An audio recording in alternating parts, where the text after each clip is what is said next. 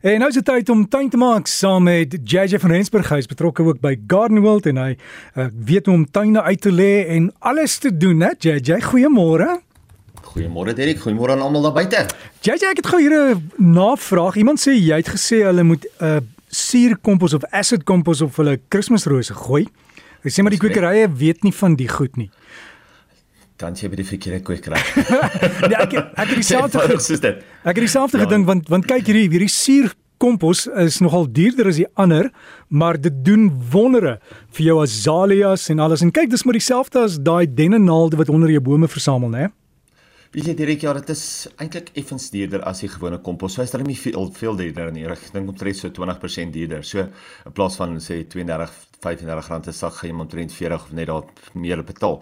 So dis regtig nie soveel duurder nie. Maar ja, interessante ene wat hulle nou 'n studie wat hulle gedoen het oor die dennenaalde is dat dennenaalde wat nog groen is, bevat wel baie uh sappe en en olies en dit is baie suur. So as jy groen dennenaalde om jou plante gooi, dan kan jy jou grond so versuur. Maar as jy mens droë dennenaalde om jou plante gooi, is die suur die pH eintlik baie nader aan alkalies omdat daar nie meer so baie olies hm. in dit is nie.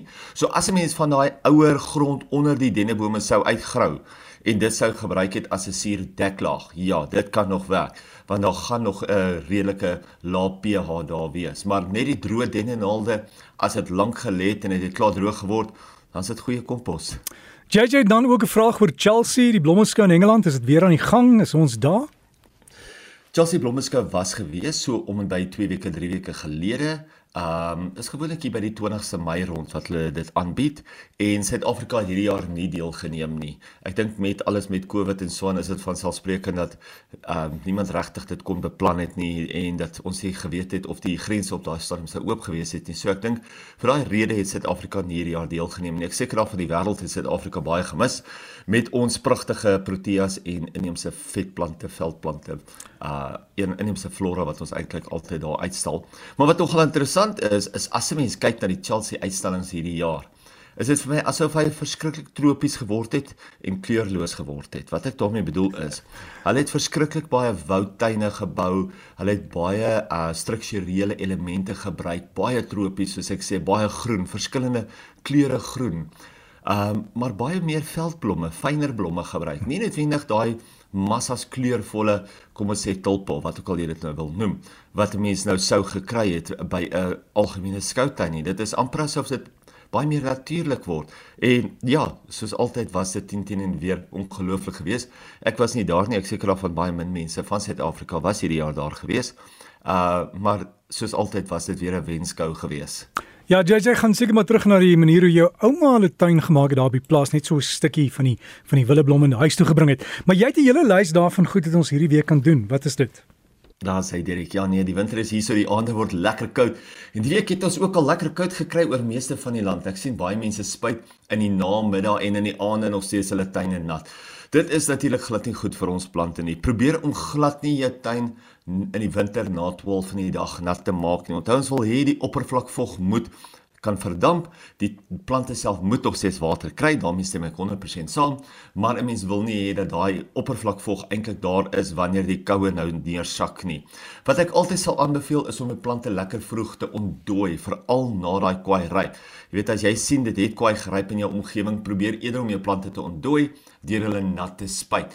En baie mense sê, "Wat is jy dronk?" Nee, jy kan hulle nat spuit want daai water wat mens gooi, is gewoonlik warmer as die koue wat op die plante self lê. Ons harte gaan uit aan almal in die Oos-Kaap waar daar erge watertekorte op die oomblik is. Dis tyd om net weer te kyk na die verskillende maniere om water in die tuin te bespaar. Eerste van alles, maak seker dat jy nie jou tuin um in die warmste tyd van die dag nat gooi nie. Probeer eerder om dit vroeg in die oggend of laat in die middag nat te maak. Um gewoonlik in die in die in die gewone tye van die jaar, maar op die oomblik definitief nou net vroeg in die oggend. Onthou, as 'n mens dit in die warmste tyd van die dag nat maak, dan gaan mense net verskriklik baie verdamping kry. Probeer om nie ook nie daagliks nat te gooi nie. Onthou, kyk hoe ver kan jy dit uitmekaar uit doen om die plante te forceer om sterker wortels oral te vorm. As jy mens jou plante elke liewe dag nat maak, dan beteken dit hulle wortels vorm glad nie want hulle kry mos elke dag water. Maar as 'n mens sê twee dae uitmekaar uit sou begin en dan 3 tot 4 dae uitmekaar uit, dan weet jou plante hulle moet dieper en dieper gaan soek vir water beteken dit ook hulle het baie minder water nodig. Lei ook jou tuin eerder nat as om dit nat te spuit, want onthou die wind kan so maklik daai fynere druppels net wegvaai en dan land dit nie in jou tuin waar jy dit wil hê nie. So weer eens gaan dit ook oor verdamping. Probeer eerder om jou tuin nat te lei. Oopkaal grond droog ook baie vinnig uit. So ons plant eerder grondbedekkers wat 'n natuurlike deklaag is tussen jou plante. Ja, sekere grondbedekkers hou van meer water as ander en hier kan jy weer eens met iemand by kwekery gaan praat wat jou daarmee kan help. Ek gebruik graag die inheemse grysblaar Diamondia wat ook die silwer tapuit genoem word. Lamsore of selfs die grondbedekker Gazanias kan ook baie goed werk. Natuurlik is daar ook boombas klippies, neetdoppe en allerlei tipe deklaag wat 'n mens ook kan neerlê as jy nou nie plante wil plant nie, wat ook weer eens kan help om die grond koel te hou en eintlik ook om water so te spaar. Dan kan ons ook kyk na grijswater. Nou kan 'n mens grijswater in jou tuin gebruik en die antwoord is ja, natuurlik kan 'n mens grijswater gebruik. Wat is grijswater? Badwater, stortwater, wasmasjienwater ensovoorts is grijswater, maar nie skottelgoedwater nie. Onthou skottelgoedwater Die seep en die chemikalieë daarin is gewoonlik nie te sterk, so probeer om nie skoolgoedwater te gebruik nie. Hoe gebruik jy mens grijswater?